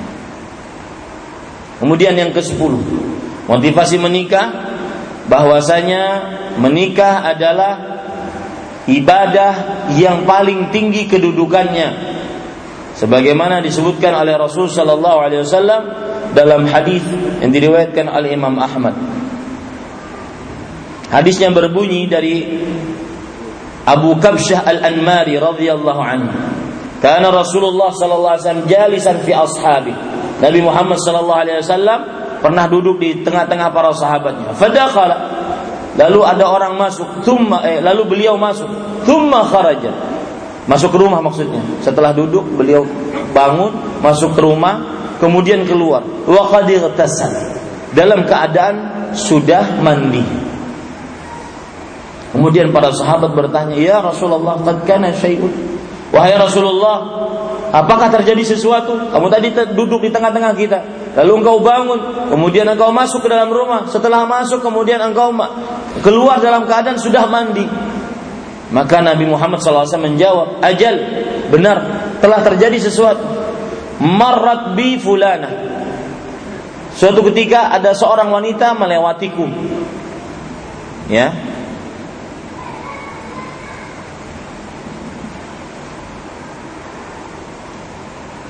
Marat bi fulana fawaqa'a fi qalbi syahwatun nisa. Ada seorang wanita lewat di hadapanku, maka di dalam hatiku ada syahwat untuk menggauli perempuan karena melihat perempuan tadi. Fa'ata itu ba'du azwaji, maka aku datangi istriku. Fa'asabtuha. Lalu aku gauli istriku tersebut. Fakadzalika faf'alu. Maka demikianlah lakukan oleh kalian. Fa innahu min amathilu min amathili a'malikum ityanul halal. Sesungguhnya termasuk amalan-amalan yang paling tinggi di sisi kalian adalah mendatangi yang halal. Istri yang halal. Ini orang yang belum menikah nggak bisa melakukan ini. Lewat perempuan, apalagi Makassar, perempuannya cantik-cantik lewat perempuan. Ya. Dia cuma melihat. Megang nggak bisa, ngerasain nggak bisa. Ini benar. Ini perkataan saya bukan perkataan jorok, dikatakan oleh para ulama. Di antaranya Sufyan ibn Masruk Ats-Tsauri rahimahullah.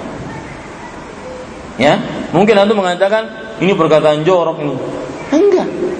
Begitulah buluknya orang yang tidak menikah. Cuma bisa melihat, nggak bisa megang, nggak bisa menikmati. Uh, cantik banget. Uh, wah, gitu doang. Nggak bisa ngapa-ngapain. Lihat, Sufyan bin Masruk Ats-Tsauri, beliau menafsiri ayat wa khuliqal insanu dha'ifa. Manusia diciptakan dalam keadaan lemah. Antum tahu maksudnya lemah? Salah satu di antaranya adalah lemah terhadap wanita. Beliau mengatakan, "Marrat bi rajulin eh, tamurru 'ala rajuli fala yamliku illa an yanzura ilaiha wala yastati'u an an yastamta'a biha. Fadzalika dha'ful insan. Artinya seorang perempuan berjalan di hadapan laki-laki. Laki-laki tersebut tertarik maka tidak sanggup kecuali dia harus melihat kepada perempuan tersebut tapi dia tidak bisa memegangnya tidak bisa menikmatinya itulah lemahnya lelaki Makanya saya sering menggojlok para lelaki yang belum menikah. Ente ada kelainan nih. Yang belum nikah. Lama-lama nikah gitu. Lama-lama nggak nikah. Jangan-jangan ada kelainan. Nah, betul. ya, ini para ikhwan dirahmati oleh Allah Subhanahu wa taala. Dan banyak sekali tentang uh, apa namanya? motivasi-motivasi untuk menikah. Belum lagi hadis yang sangat terkenal. Saya sengaja tidak menyebutkan hadis yang sangat terkenal. Ya masyaran syabab, Man istata'a minkum al-ba'a. Hadis ma'ruf itu. Wahai para pemuda, barang siapa di antara kalian yang mampu al-ba'ah menafkahi lahir batin maka menikahlah. Dan saya juga berpesan kepada para orang tua perempuan, jangan terlalu materialistis. Karena ada sebagian di sini saya dengar kalau S2 100 juta. Betul enggak? Ya, S1 50 juta. Ya, maka para ikhwah, Rasulullah SAW menyatakan, khairun nisa aisaruhunna mauna. Sebaik-baik wanita adalah yang paling mudah maharnya. Dan semestinya yang menjadi ukuran bukan materinya, tetapi pribadi si laki-laki tersebut. Ada seorang perempuan dilamar oleh laki-laki. Ketika laki-laki ini datang ke rumah perempuan, orang tua perempuan langsung bertanya.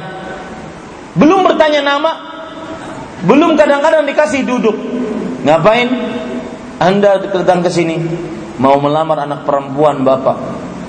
Baik, kalau seandainya saya terima lamarannya, anak saya besok makan apa sama Anda? Yang selalu diperhatikan adalah materi. Kalau saya jadi pelamarnya Pak, saya katakan itu makan nasi Pak dan coto Makassar. Ya mau makan batu, nggak mungkin. Ya belum ditanya bisa sholat nggak, bisa baca Quran nggak, jangan-jangan nggak bisa mandi junub lagi. Iya. Ini jangan terlalu materialistis para ikhwan. Lihat hadis Rasul sallallahu alaihi wasallam. Idza ja'akum man tardawna hadis riwayat Tirmidzi jika telah datang kepada kalian mentardona dinahu wa khuluquhu yang kalian rela agama dan budi pekertinya akhlaknya fazawiju maka nikahkan dia dengan anak perempuan kalian illa taf'alu takun fitnatun fil ardi wa fasadun arid kalau kalian tidak lakukan itu akan terjadi kegoncangan di dunia dan kerusakan yang merata kegoncangan kenapa karena banyak orang-orang yang berzina, tidak bisa melampiaskan hawa nafsunya. Ya.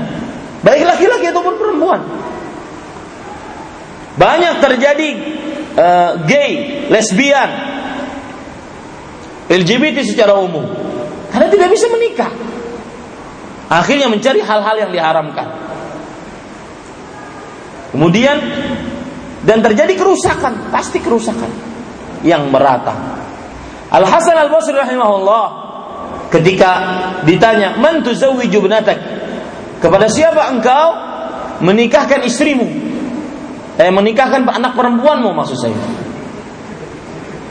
ya, jangan salah menikahkan anak perempuan maka Hasan Al Basri mengatakan mimman yattaqillah Aku akan menikahkan anak perempuanku kepada seorang yang bertakwa kepada Allah. Kenapa? Li'annahu idza ahabbaha akramaha wa in karihaha lam yadhlimha karena suami yang bertakwa kalau menyukai istrinya dia akan sangat memuliakan istrinya dan suami yang bertakwa kalau dia kurang suka membenci suami istrinya maka dia tidak akan pernah menzalimi istrinya. Ini suami yang bertakwa. Maka dahulukan laki-laki yang bertakwa. Baik, kita akan sekarang 10 menit. Saya akan masuk kepada bahaya seseorang lelaki terhadap perempuan. Atau bahaya paling ber, uh, apa godaan paling berbahaya bagi lelaki yaitu perempuan. Ini agar tadi ya bahkan kadang-kadang para ikhwah subhanallah. Ini hati-hati terutama akhwat-akhwat yang di belakang ibu-ibu yang di belakang. Kalau curhat curhat kepada ustadz. Hati-hati ustadz juga manusia ada orang curhat kadang-kadang datang ke email saya Ustadz saya fulan nama saya ini, umur saya sekian, pendidikan saya S2 sekian, tinggi saya begini, kemudian begini, begini, begini. Tolong carikan suami. Kalau bisa kayak Ustaz. Ini subhanallah, hati-hati. Ya. Kemudian ada yang lebih parah lagi, ada seorang ustaz dicurhati oleh seorang ibu-ibu. Ustaz, apa hukumnya saya kagum kepada laki-laki lain? Saya bilang, bu haram. Kagum hanya boleh kepada suami yang halal. Karena itu akan bisa membuka perzinahan, membuka ketidakharmonisan di antara suami istri. Saya tanya, ibu sudah menikah? Sudah Ustaz. Punya anak berapa? Lima Ustaz. Jadi ceritanya begini Ustaz. Ya, bahwa si ibu ini mempunyai teman kerja berdagang dan teman kerjanya ini laki-laki dan suaminya tahu bahwa si ibu ini berdagang bersama-sama dengan si laki-laki ini. Awalnya tidak ada apa-apa, hanya sebatas kawan dagang, kolega dagang. Kemudian lama kelamaan setan menumbuhkan. Ustaz, saya sepertinya kagum terhadap laki-laki tersebut. Maka kata si Ustaz ini, haram bu. Itu haram kekaguman, rasa cinta hanya kepada suami yang sah. Lalu apa yang harus saya kerjakan? Maka sang ustadz ini menjawab, harus putus hubungan dengan dia. Putus dagang ustadz? Iya, putus. Tidak boleh berkumpul, berdagang bersama. Anak lima, ibu apakan? Kata si ustadz ini. Karena ustadz ini mungkin laki-laki, dia juga membawa perasaan laki-laki yang dia dikhianati. Sedih sekali ya, dikhianati. Maka taib. Sampai si ustadz ini agak mengangkat suara terhadap ibu tersebut karena tadi terbawa emosi laki-laki. Maka si ibu ini akhirnya, ya ustadz, saya paham dan saya akan kerjakan. Jangan marah-marah ustadz.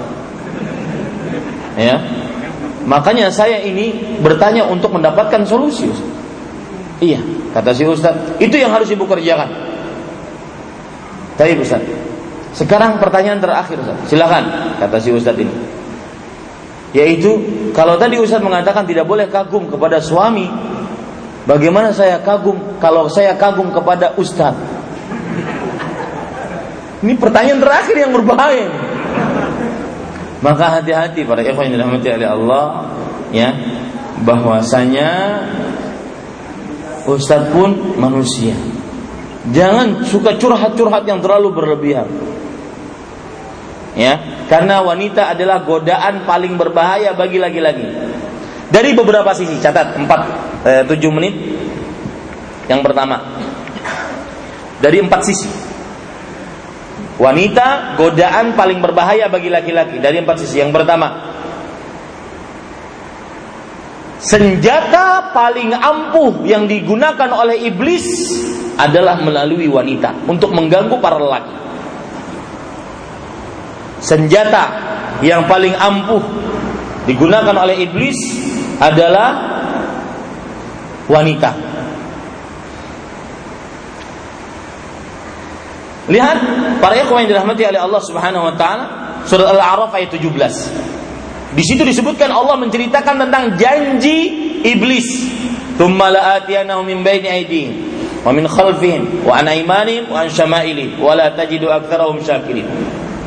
Kemudian engkau eh? Kemudian aku kata iblis akan benar-benar mendatangi manusia dari depan, dari belakang, dari kanan, dari kiri. Dan engkau ya Allah tidak akan mendapati kebanyakan mereka orang-orang yang pandai bersyukur. Abdullah bin Abbas radhiyallahu anhu menafsiri maksud manusia diganggu dari depan adalah dilupakan kehidupan akhirat. Lupa ada surga, ada neraka, ada hisab, ada catatan amal lupa. Maksud manusia diganggu dari belakang adalah diindahkan kehidupan dunia. Suka harta, suka materi, diindahkan kehidupan dunia. Maksud manusia diganggu dari kanan adalah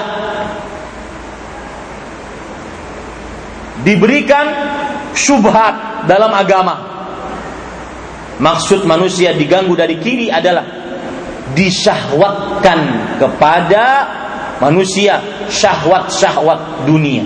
Di antaranya syahwat perempuan. Maka ini yang digunakan oleh iblis. Senjata paling ampuh untuk mencelakakan manusia, menyimpangkan manusia dari jalan-jalan dari jalan yang lurus adalah dengan wanita. Maka coba perhatikan iblis mengatakan sahmi alladhi idza ramaita bihi idza ramaitu bihi lam ukhti an-nisa anak panahku yang kalau aku lepaskan dari busurnya tidak akan pernah meleset. Yaitu wanita. Itu perkataan iblis. Sebutkan oleh Imam Al-Qayyim rahimahullahu taala. Makanya di dalam surah Ali Imran ayat 14 sampai 15 Allah menyebutkan syahwat pertama kali yang diindahkan kepada manusia wanita. Zuyyina linnas hubbus syahawat. Habis itu minan nisa diindahkan kepada manusia cinta kepada syahwat yaitu wanita. Pertama kali sebelum anak, sebelum harta, sebelum materi perempuan. Karena dia digunakan untuk iblis, eh, oh, digunakan oleh iblis Al Hasan ibnu Yasar Al Basri rahimahullah atau yang dikenal dengan Al Hasan Al Basri, beliau menyebutkan bahwasanya yang dimaksud dengan diindahkan untuk manusia artinya zayyana lahumus syaitan. Syaitan mengindahkannya. Jadi itu adalah senjata paling ampuh iblis mengganggu manusia, yaitu dengan para perempuan. Lihat, Sa'id bin Musayyib rahimahullah berkata, "Ma ya'isha syaitan min syai'in illa min qibalin nisa illa atahu min qibalin nisa." Tidak ada syaitan tidak pernah putus asa dari apa pun kecuali dia akan mendatanginya dari godaan wanita. Artinya, mungkin syaitan putus asa dari menggoda menggoda eh, laki-laki dengan harta, dengan tahta, Putus asa dia. Tetapi untuk menggoda dari wanita tidak akan pernah putus asa. Karena pasti terjerembab ke dalam maksiat kalau sudah digoda dengan wanita. Lihat lagi perkataan Abu Saleh As-Samman rahimahullah. Balagani anna aktsara dzunuba ah, dzunubi ahli nar fin nisa. Sampai kepadaku kabar riwayat bahwasanya Dosa paling terbanyak yang dilakukan oleh penghuni neraka adalah dalam perihal wanita. Makanya Abdullah bin Mas'ud radhiyallahu anhu mengatakan an-nisa habailu syaitan. Wanita itu adalah alat kailnya syaitan, alat pancing. Makanya jangan main-main dengan wanita. Ya, sok-sok ngirim SMS. Padahal sudah punya istri, Malam-malam sengaja bangun jam 2 SMS kepada wanita yang diharamkan. Assalamualaikum Waalaikumsalam. Afwan, ini cuma SMS membangunkan tahajud. Tidak usah di replay nggak apa-apa. Gombal. Cinta terlarang haram. Ya. Maka jangan main-main. Yang di handphonenya, di gadgetnya, yang sekarang satu kali klik dapat semua godaan wanita. Uh, Ustadz gimana tuh satu kali klik? Gak usah nanya ente. Karena ada sebagian orang nanya, Ustaz, satu kali klik dapat semua godaan wanita itu caranya gimana? Gak usah nanya. Ya, semua sudah ada sampah-sampah dunia. Kalau bahasanya Syekh Abdul Musin sekarang adalah bahwasanya satu kali klik sampah dunia terlihat. Ini hati-hati pada ikhwah. Ada oke okay, terlihat berpakaian sunnah, peci, kemudian baju, bajunya kadang-kadang jubah, jenggot, lihat. Tapi kalau sudah sendirian di dalam kamar, mukanya bersinar. Kenapa? Karena main WhatsApp. Mukanya bersinar kan? Kalau malam-malam lampu dimatikan, mukanya seakan-akan bersinar. Ternyata yang dilihat semua yang diharamkan. Hati-hati dan iman yang tidak jujur menghapuskan pahala. Catat itu baik-baik. Iman yang tidak jujur menghapuskan pahala. Dari Thauban radhiyallahu anhu Rasul sallallahu alaihi wasallam bersabda, "La a'lamanna aqwaman min ummati ya'tuna bihasanatin amthali jibali tihamati bidan." Fayaj'aluha Allah azza wa jalla haba'an manthura. Sungguh aku akan benar-benar beritahukan kepada kalian orang-orang dari umatku yang datang nanti pada hari kiamat dengan bergunung-gunung pahala seperti gunung-gunung Tihama yang besar. Gunung Tihama kenapa disebutkan? Karena simbol gunung-gunung besar di Arab.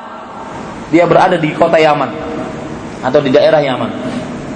Tetapi Allah jadikan gunung-gunung pahala bergunung-gunung tersebut seperti debu-debu yang berterbangan. Kenapa? Lalu Thauban radhiyallahu anhu langsung bertanya, "Ya Rasulullah, sifhum lana jallihim alaina alla nakuna minhum wa nahnu la na'lam." Wahai Rasulullah, sifati untuk kami, terangkan kepada kami sifat mereka agar kami tidak seperti mereka dalam keadaan kami tidak sadar. Rasulullah alaihi wasallam menjawab, "Innahum min ikhwanikum." Mereka kawan-kawan kalian seagama, wa min badi jildatikum dan sebangsa dengan kalian. Minal lail kama ta'khudun. Mereka salat malam sebagaimana kalian beribadah di malam hari. Walakinnahum idza khalau bimaharimillah. Tetapi kalau mereka sendirian dengan maksiat kepada Allah, mereka semua mereka langgar semua larangan-larangan tersebut. Iman yang tidak jujur menghapus pahala. Makanya kadang-kadang ada sebagian orang tidak mau didatangi ke rumahnya. Fulan, kita kan sama-sama jamaah Masjid Agung 45. Rumahmu di mana? Oh di sana, di belokan sana. Saya bertamu ya. Ah nggak usah. Kenapa? Karena dia keseringan nonton televisi. Kalau ada tamu, Assalamualaikum, Waalaikumsalam. Siapa? Jamaah, sama-sama di Masjid Agung 45. Matikan, matikan, matikan. Matikan, nanti ketahuan, matikan. Iman gak jujur yang ditonton macam-macam. Dan saya berpesan khusus pada laki-laki. Sebesar pengkhianatan cinta Anda, sebesar itu pula Allah akan mencabut nikmat halal melihat istri Anda. Siapa pengkhianat cinta? Laki-laki yang melihat wanita-wanita yang diharamkan. Sebesar seseorang melihat yang diharamkan, sebesar itu pula Allah akan mencabut nikmat melihat istri yang halal. Dan itu manusiawi, Pak. Contoh orang melihat di media sosial, di televisi, artis-artis cantik, wanita-wanita cantik. Yang kalau sekali lagi dalam film atau sinetron, sekali bergerak, ada yang menyeka keringatnya. Ada yang membetulkan rambutnya, ada yang memasakkan bulu matanya, dan semisal cantik jelas. Ketika dia bisa dia biasakan mata seperti itu, melihat perempuan yang nyata di samping kita tidur istri kita, kok aslinya begini? Kok beda dengan yang situ? Di sini kok orok, tidur ngorok, iler, kok beda? Akan dicabut kelezatan melihat istri yang halal, yang sebenarnya kita bisa apa-apain, apa pun kita bisa Ente mau salto mau terserah deh. Ya. Kenapa saya sebutkan salto? Ada ada yang saya ingin sampaikan yaitu Rasulullah SAW bersabda, "Idza da'a rajulu ila firashihi falta'tihi wa in kana 'ala qatab." Jika seorang suami mengajak istrinya ke ranjang, maka hendaknya istrinya melayaninya, meskipun dia sedang di atas di atas kotab. Kotab dijelaskan oleh para ulama ada dua makna, yaitu pelana yang diletakkan di atas onta untuk duduknya para perempuan. Antum bayangkan itu, suaminya ingin melakukan hal tersebut di atas pelana onta saya sampai sekarang belum bisa membayangkan bagaimana itu terjadi. Makna yang kedua kotab adalah sebuah kursi yang biasa diduduki oleh perempuan-perempuan yang hamil yang ingin melahirkan agar mudah melahirkan. Maka tatkala istri mau melahirkan, sang suami mau harus layani. Ah, ada yang ngangguk-ngangguk. Oh, begitu Ustaz.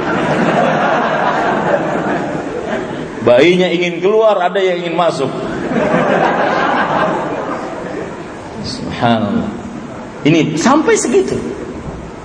Dijelaskan oleh para ulama rahimahumullah taala. Niat perempuan itu godaan terberat. Sisi yang kedua, manusianya memang lemah terhadap godaan perempuan. Jadi susah, sudah setannya itu menggunakan godaan itu, manusianya sendiri lemah. Sebagaimana yang sudah saya sebutkan tadi, surah An-Nisa ayat 14. Wa khuliqal insanu dha'ifa. Manusia diciptakan dalam keadaan lemah. Memang manusianya lemah. Lemah di hadapan para wanita. Kemudian sisi yang ketiga, Godaan wanita adalah godaan paling berbahaya bagi laki-laki dilihat dari sisi musuh-musuh Islam menggunakan itu. Musuh-musuh Islam menggunakan hal tersebut. Dalilnya surat An-Nisa ayat surat An-Nur ayat 19. Innal ladzina yuhibbuna an tashi'a al-fahishatu fil ladzina amanu lahum 'adzabun alimun fid dunya wal akhirah wallahu ya'lamu antum la ta'lamun. Sesungguhnya orang-orang yang menginginkan tersebarnya perbuatan zina dan perbuatan-perbuatan keji lainnya di tengah orang-orang yang beriman maka bagi mereka adalah siksa yang pedih di dunia dan di akhirat. Allah lebih mengetahui dan kalian tidak mengetahuinya. Yang keempat, sisi buruknya atau sisi dahsyatnya godaan wanita adalah godaan wanita mendatangkan kerusakan-kerusakan yang begitu banyak. Di antaranya akibat godaan wanita seseorang akhirnya mengerjakan hal-hal yang diharamkan. Melihat hal diharamkan wanita. Mendengar musik kaitannya dengan wanita. Berpacaran, berhubungan dengan hubungan yang diharamkan wanita. Mendatangkan kerusakan-kerusakan yang banyak. Kerusakan yang kedua ada di sisi banyaknya penyakit-penyakit yang ditimbulkan akibat godaan wanita. Kalau berzina ada apa? AIDS. Penyakit kemaluan. Makanya di Iran disebutkan dalam beberapa media bahwasanya terjadi penyakit kemaluan terbanyak karena di sana diperbolehkan nikah mut'ah nikah zina, nikah kontrak yang itu adalah zina. Banyak kerusakan-kerusakan. Ini yang bisa saya sampaikan para ikhwan yang dirahmati oleh Allah karena waktu saya harus siap-siap nanti untuk kajian tablik akbar. Mungkin belum ada pertanyaan yang bisa saya jawab. Nanti saja dirapel pertanyaannya.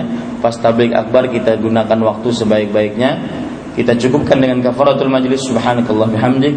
Syadu an la ilaha illa anta astaghfiruka wa atubu ilaik. Wassalamualaikum warahmatullahi wabarakatuh